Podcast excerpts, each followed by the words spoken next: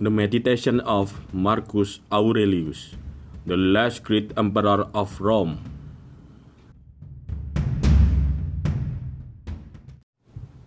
Ketika kamu bangun di pagi hari, pikirkan betapa berharganya hak istimewa untuk hidup, bernapas, berpikir, menikmati, mencintai. Kebahagiaan hidup kamu tergantung pada kualitas pikiran kamu. Lihat baik-baik ke dalam dirimu. Ada sumber kekuatan yang akan selalu muncul jika kamu selalu melihat.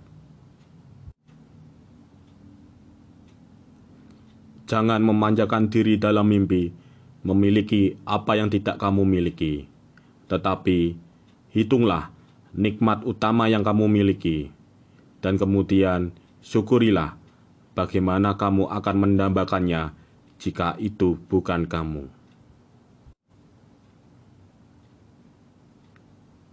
Tujuan hidup bukanlah untuk berada di pihak mayoritas, tetapi untuk melarikan diri dari menemukan diri sendiri di jajaran orang gila. Inilah aturan yang harus diingat di masa depan. Ketika sesuatu menggoda kamu untuk merasa pahit, bukan ini kemalangan, tetapi menanggung ini dengan layak adalah keberuntungan. Terimalah apa pun yang datang kepadamu yang dijalin dalam pola takdirmu, karena apa yang lebih sesuai dengan kebutuhanmu. Kamu tidak harus mengubah ini menjadi sesuatu. Itu tidak harus membuatmu kesal.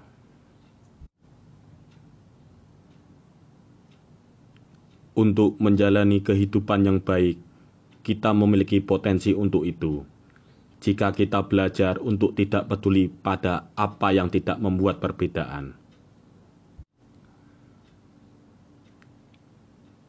pikirkan dirimu sudah mati. Kamu telah menjalani hidupmu. Sekarang, ambil apa yang tersisa dan jalani dengan benar.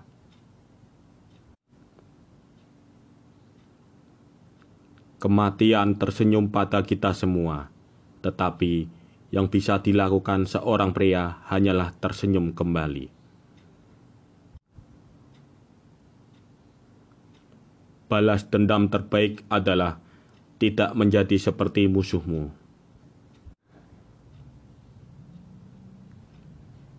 Pikiran kamu akan mengambil bentuk dari apa yang sering kamu pikirkan, karena jiwa manusia diwarnai oleh kesan-kesan seperti itu. Hambatan untuk bertindak memajukan tindakan. Apa yang menghalangi menjadi jalan?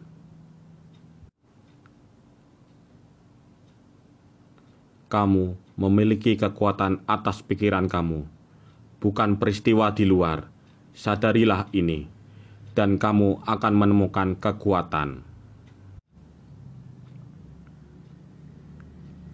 bukan kematian yang harus ditakuti seseorang, tetapi dia harus takut tidak pernah memulai hidup. Jangan biarkan masa depan mengganggu kamu. Kamu akan menghadapinya jika harus dengan senjata akal yang sama yang hari ini mempersenjatai kamu melawan masa kini. sangat sedikit yang dibutuhkan untuk membuat hidup bahagia.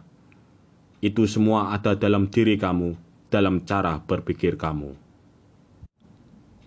Kehilangan tidak lain adalah perubahan, dan perubahan adalah kesenangan alam.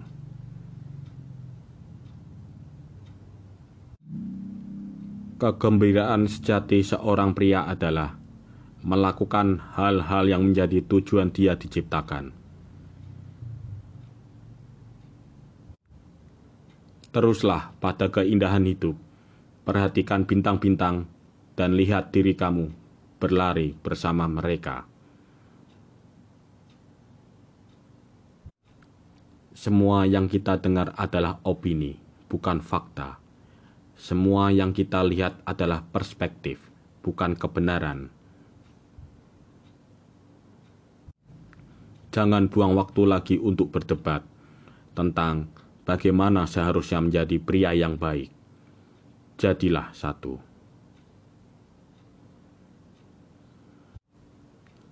Jika kamu tertekan oleh sesuatu yang eksternal, rasa sakitnya bukan karena benda itu sendiri, tetapi karena pikiran kamu tentangnya. Dan ini kamu memiliki kekuatan untuk mencabutnya kapan saja. Balas dendam terbaik adalah menjadi tidak seperti dia yang melakukan cedera. Terimalah hal-hal yang mengikat kamu dengan takdir, dan cintai orang-orang yang dengannya takdir menyatukan kamu. Tetapi, lakukanlah dengan sepenuh hati. Jiwa menjadi diwarnai dengan warna pikirannya. Jangan biarkan masa depan mengganggumu.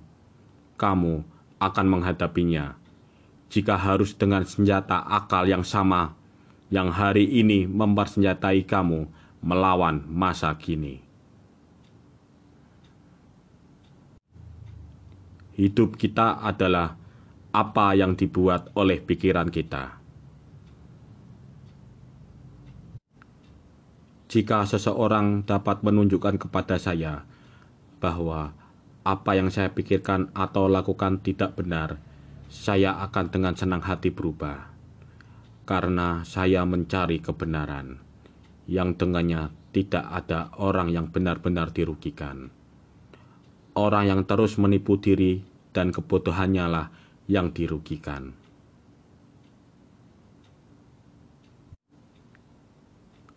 Saya sering bertanya-tanya, bagaimana setiap orang mencintai dirinya sendiri lebih dari semua pria lainnya tetapi kurang menghargai pendapatnya sendiri daripada pendapat orang lain. Setiap kali kamu akan mencari kesalahan seseorang, tanyakan pada diri kamu pertanyaan berikut. Apa kesalahan saya yang paling mirip dengan kesalahan yang akan saya kritik? Jika tidak benar, jangan lakukan jika itu tidak benar, jangan katakan itu. Balas dendam terbaik adalah tidak menjadi seperti musuhmu. Tolak rasa cedera kamu, dan cedera itu sendiri menghilang. Ketika orang lain menyalahkan kamu, atau membenci kamu, atau orang-orang menyuarakan kritik serupa, masuklah ke dalam jiwa mereka, telusuri ke dalam, dan lihat orang macam apa mereka. Kamu akan menyadari bahwa tidak perlu disiksa dengan kecemasan, bahwa mereka harus memiliki pendapat tertentu tentang kamu. Aturan pertama adalah menjaga semangat tidak terganggu. Yang kedua adalah melihat hal-hal secara langsung dan mengetahui mereka apa adanya. Betapa lebih menyedihkan akibat dari kemarahan daripada penyebabnya. Jalani hidup dengan baik. Jika ada dewa dan mereka adil, maka mereka tidak akan peduli betapa salehnya kamu, tetapi akan menyambut kamu berdasarkan kebajikan yang telah kamu jalani. Jika ada dewa tetapi tidak adil, maka kamu seharusnya tidak ingin menyembah mereka. Jika tidak ada dewa, maka kamu akan pergi, tetapi akan menjalani kehidupan yang mulia, yang akan hidup dalam ingatan orang yang kamu cintai. berapa banyak waktu yang dia peroleh yang tidak melihat untuk melihat apa yang dikatakan atau dilakukan atau dipikirkan tetangganya, tetapi hanya pada apa yang dia lakukan sendiri untuk menjadikannya adil dan suci. Jangan bertindak seolah-olah kamu akan hidup sepuluh ribu tahun. Kematian menggantung di atasmu. Selagi kamu hidup, selagi itu ada dalam kekuasaanmu, jadilah baik. Ketika kamu bangun di pagi hari, katakan pada diri sendiri, orang yang saya hadapi hari ini akan ikut campur, tidak tahu berterima kasih, sombong, tidak jujur, cemburu, dan bermuka masam. Mereka seperti ini karena mereka tidak bisa membedakan yang baik dari yang jahat. Tetapi saya telah melihat keindahan kebaikan dan keburukan kejahatan, dan telah mengakui bahwa pelaku kesalahan memiliki sifat yang terkait dengan saya sendiri, bukan dari darah dan kelahiran yang sama, tetapi pikiran yang sama dan memiliki bagian yang ilahi. Jadi, tidak ada dari mereka yang bisa menyakitiku. Tidak ada yang bisa melibatkan saya dalam keburukan. Saya juga tidak bisa merasa marah pada kerabat saya atau membencinya. Kita dilahirkan untuk bekerja sama, seperti kaki, tangan, dan mata, seperti dua baris gigi atas dan bawah saling menghalangi adalah hal yang tidak wajar. Merasa marah pada seseorang, memunggungi dia, ini tidak wajar.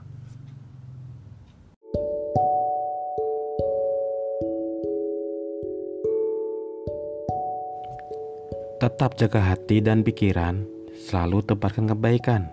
Jadilah manusia yang berguna dan bermanfaat terhadap sesama. Keep happy and smile. Semoga bermanfaat ya. Dah, assalamualaikum.